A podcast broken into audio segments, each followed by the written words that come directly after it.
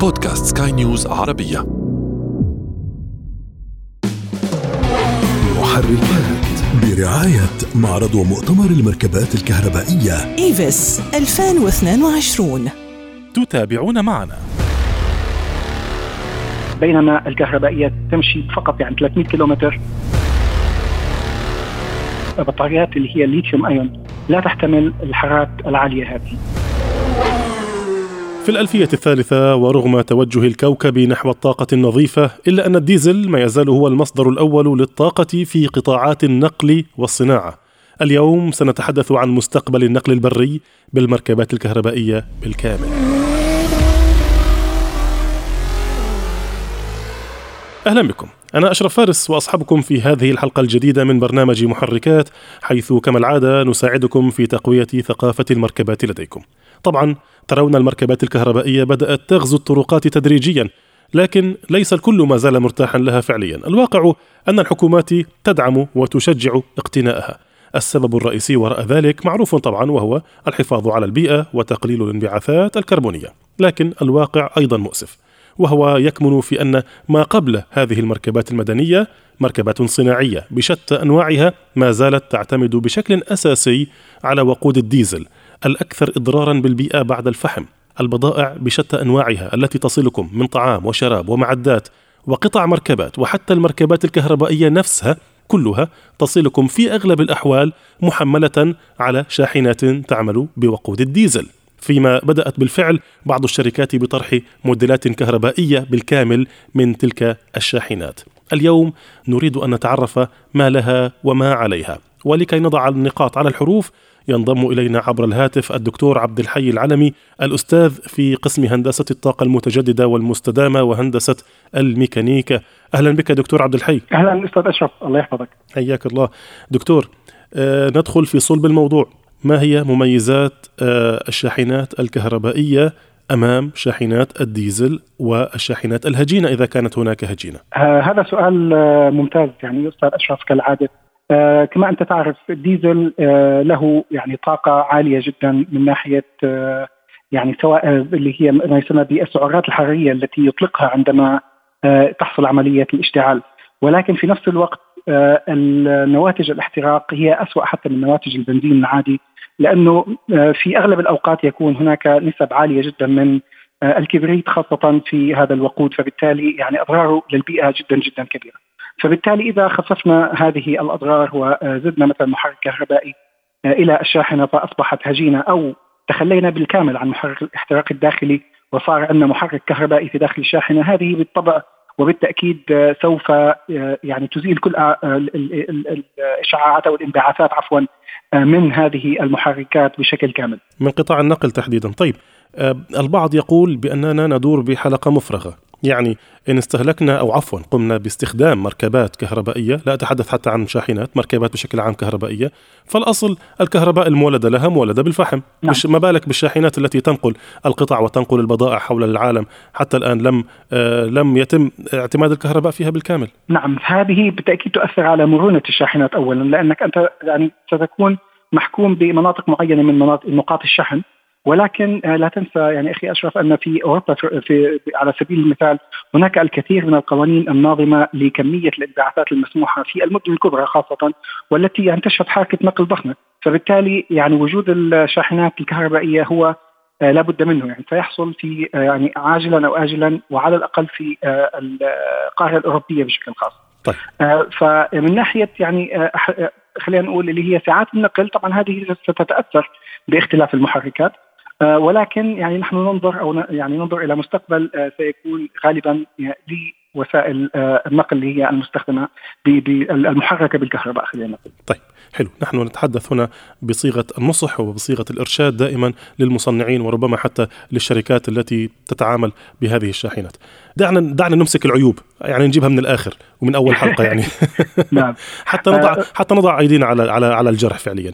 ما الذي يعيب هذه المركبات؟ لماذا لا تستعين بها الشركات؟ هل هي غالية؟ هل هي آه، ضعيفة؟ هل هي ما ما, ما مشكلتها؟ هي من ناحية ضعيفة ليست ضعيفة. يعني من ناحية اللي هي التورك المولد آه، هي يعني تساوي أو أكثر من مركبات الديزل. ولكن آه، من ناحية اللي هي النطاق الذي يعني قد تغطيه فهي تقريبا تغطي ثلث المركبات الديزل بنفس الحمولة، يعني مثلا إذا كان يعني واحدة من الشاحنات تحمل 44 طن إذا كانت من الديزل فهي قد تمشي أكثر من 1000 كيلومتر بينما الكهربائية تمشي بس أو فقط يعني 300 كيلومتر ف يعني عندنا خلينا نقول يعني نطاق المدى هو المدى. هي هو الأساس هنا مدى نعم. البطارية بالطبع بالطبع طيب فبالتالي لابد أن تشحن وعملية الشحن نفسها هي عملية يعني طويلة وكما يعني أسلفت حضرتك آه الطاقة الكهربائية أصلا قادمة من حرق الوقود الأحفوري يعني بشكل أو بآخر. طيب أنا الآن كصاحب شركة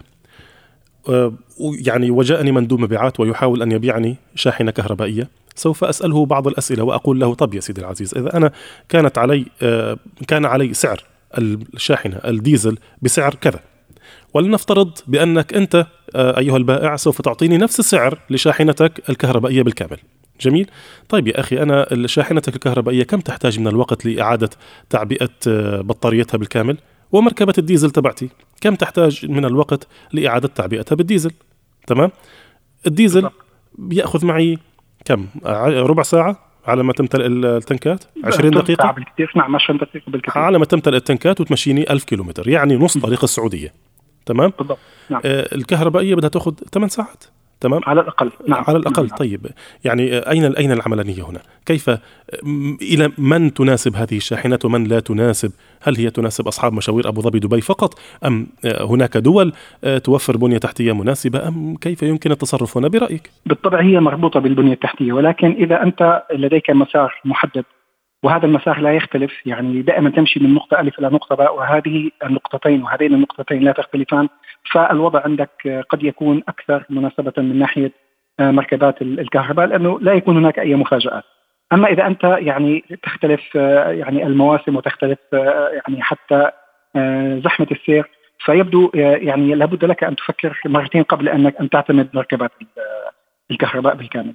نعم. لأن هناك الكثير من المحاذير والمفاجآت التي لا تحتملها هذه المركبات. وليس فقط زحمة السير كمان من يسافر بالبر يعلم بأن هناك توقفات كثيرة على الحدود غير محسوبة. طيب دعنا نتوقف عند هذه النقطة دكتور عبد الحي. آه، بعد سوف نذهب إلى فاصل قصير. بعد الفاصل لنا عودة للحديث أكثر عن هذا الموضوع. ابقى معنا. أنا معك.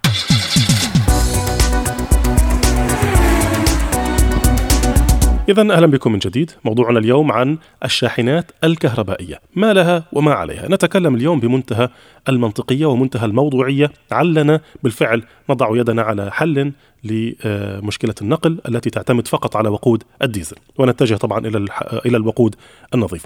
كان معنا ويستمر آه، قبل الفاصل الدكتور عبد الحي العلمي الأستاذ في قسم هندسة الطاقة المتجددة والمستدامة وهندسة الميكانيكا. آه، دكتور عبد الحي تحدثنا قبل الفاصل عدة نقاط لكن آه، أنا مرة أخرى سوف أتقمص آه، محامي الشيطان. سوف أتقمص دور صاحب الشركة التي تعتمد على شاحنة الديزل. الصيانة. نعم. حدثني عن الصيانة. ما الفارق بين صيانة الكهرباء وصيانة الديزل؟ كما حضرتك تعرف برضو صيانة الديزل هي يعني صناعة قائمة من يعني فترات جدا جدا طويلة من يعني 100 سنة تقريبا. وصيانة سيارات الكهرباء. هناك الكثير من المعدات أو خلينا نقول ال components المختلفة التي قد لا يكون الميكانيكي العادي قادر أن يعملها صيانة، فلا بد دائما أن يكون عندنا صلة بالشركة المصنعة. لأنه مع بساطة اللي هي المحرك خلينا نقول الكهربائي أو الموتور الكهربائي لابد أن يركب ولابد أن يصان بطريقة معينة قد لا يقدر عليها الميكانيكي العادي أو قد يحتاج إليها إلى الكثير من التدريب قبل أن يصل إلى مرحلة آه، يستطيع فيها أن يعملها صيانة لأنها شيء جديد بالنسبة له. نعم. تعلم دكتور عبد الحي أنا كنت أتحدث قبل قليل مع فني مركبات متخصص بالمركبات الكهربائية وكنا نتحدث عن سوق المركبات الكهربائية في دول معينة وتوقفنا عند نقطة بأنه ليس هناك من الفنيين ما يكفي في تلك الدولة لكي آه، تفحص مركبات مستعملة آه، كهربائية. تمام؟ هذه هذه مشكلة هنا. نتحدث عن البنية التحتية لهذه المركبات. الكهربائية الشاحنات الضخمة الكبيرة هل هناك اختلاف في البنية التحتية التي يجب أن توفرها الدولة والتي يجب أن توفرها يوفرها السوق حتى وليس فقط الدولة. آه، هل هناك اختلاف ما بينها وما بين المركبات الكهربائية الاعتيادية؟ أتحدث من حيث آه، نقاط الشحن أتحدث من حيث آه، الصيانة الفنيين. هل هناك اختلاف في الموضوع أم لا؟ بالطبع لأنه لابد أن يكون اللي هو العزم عزم الدوران الذي سي يقوم ببدء حركة هذه الشاحنه سيكون أكبر فبالتالي غالبا نحتاج إلى بطاريات مربوطة بشكل مختلف عن البطاريات الموجودة في السيارات فبالتالي ننظر إلى تيار أعلى وننظر إلى فولتية أعلى أيضا من نقاط الشحن. فبالتأكيد سيكون هناك متطلبات أكبر وأقوى من ناحية الشحن. فبالتالي ما يناسب السيارة العادية الكهربائية قد ويعني لن يناسب خلينا نقول بشكل أفضل الشاحنات الكبيرة التي تحتاج إلى عزم كبير جدا حتى يعني تتم بدء حركتها فبالتالي نعم بالتأكيد البنية التحتية لن تكون نفسها وهذا قد يضع عبء آخر أيضا على الدول الراغبه بنشر المركبات الكهربائية فيها. يعني قد يكون من الجميل مثلا آه، لدولة فيها مساحات شاسعة مثل ألمانيا أو أي دولة في العالم فيها مساحات شاسعة لكي تشجع المركبات الشاحنات الكهربائية. أن تضع مثلا نقاط شحن آه، كل 200 أو 300 كيلو على سبيل المثال لكي تسهل على الشاحنات. ومنها تكون أيضا نقاط استراحة للسائقين. إذا أرادوا مثلا النوم ليلا إذا كانوا ينامون طبعا بالليل. نعم. طيب نعم. آه النقطة الأخرى هنا. بلادنا الحارة. يعني البطاريات في تلك الشاحنات الموجودة الآن. أتكلم عن التقنيات الموجودة آنيا. هل تلك البطاريات تتوافق أو تحتمل درجات حرارة عالية 50 و60 وأكثر من 60 درجة مئوية في دولة مثل الكويت؟ هل يمكن لبطاريات الشاحنات الكهربائية أن تحتملها؟ والله حاليا آه، الجواب لا. لأنه بطاريات اللي هي الليثيوم أيون آه، وهي بطاريات كما حضرتك تعرف اللي هي آه، قمة التكنولوجيا بالنسبة للبطاريات المستخدمة في المركبات. اللي هي الكهربائية لا تحتمل آه، الحرارات العالية هذه. آه، فبالتالي ما يصمم للولايات المتحدة مثلا أو ما يصمم لأوروبا قد لا يناسب 100% بلادنا الحاره جدا. فطبعا نحن ننظر إلى ما يحدث بالنسبة لكفاءة البطارية على درجات الحرارة العالية. وهذه الكفاءة طبعا تنزل بشكل جدا جدا كبير وعمر البطارية يقل. آه، مع ارتفاع درجات الحرارة وخاصه بشكل اللي هي ال 40 وال 50 وقد إذا كنا قريبين منها من الإسفلت قد يكون حتى نصل إلى 60 و70 صحيح. طيب أنا عندي هنا سؤال يعني نتكلم بشكل منطقي.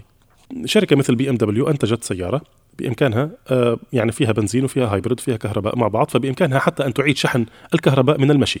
نعم. فأنت قد لا تكون بحاجة إلى البنزين أصلا لفترات طويلة. ما الذي يمنع شركات التي تصنع الشاحنات من آه، من وضع مثل هذه التقنيات وخاصة أننا نتحدث عن شاحنة فيها مساحة كبيرة جدا لوضع أي أجهزة أو أي معدات آه، أنا أتكلم عن معدات شحن لا هو يعني إذا تسمح لي سيد أشرف هذه يعني نوعا ما من ال يعني يبدو المغالطات البسيطة اللي هي أنه قد تشحن نفسها بنفسها أو مثلا إذا وضعنا يعني توربين هوائي مثلا في الشاحن يعني نظريا نظريا قابل للتنفيذ. آه، هذا غير صحيح قابل للتنفيذ لأنه في النهاية إذا أنت يعني بتنظر إلى ال system كامل هذا يعني سيعطل مشي السياره إلى الأمام. ولكن اللي يعني ما تفضلت به ممكن تطبيقه بسهولة في ما يسمى بال flywheel اللي هي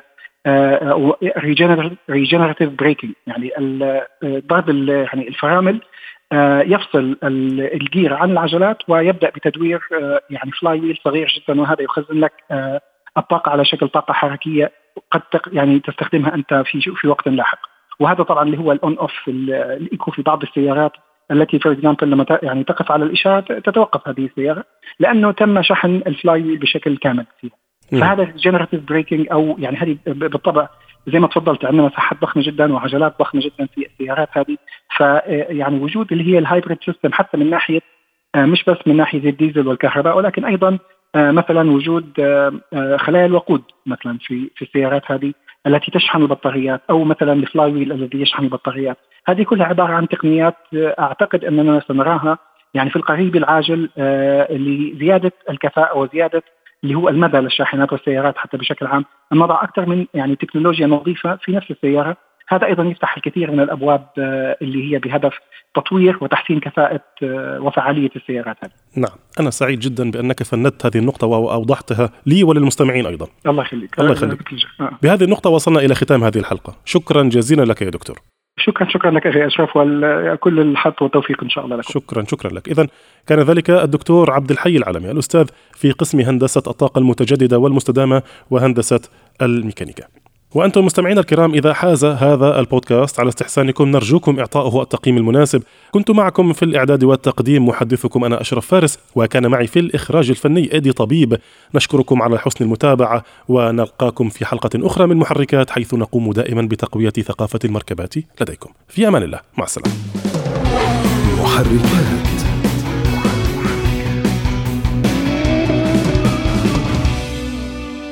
وأنتم مستمعينا الكرام إذا حاز هذا البودكاست على استحسانكم نرجوكم إعطائه التقييم المناسب. كنت معكم في الإعداد والتقديم محدثكم أنا أشرف فارس وكان معي في الإخراج الفني إيدي طبيب.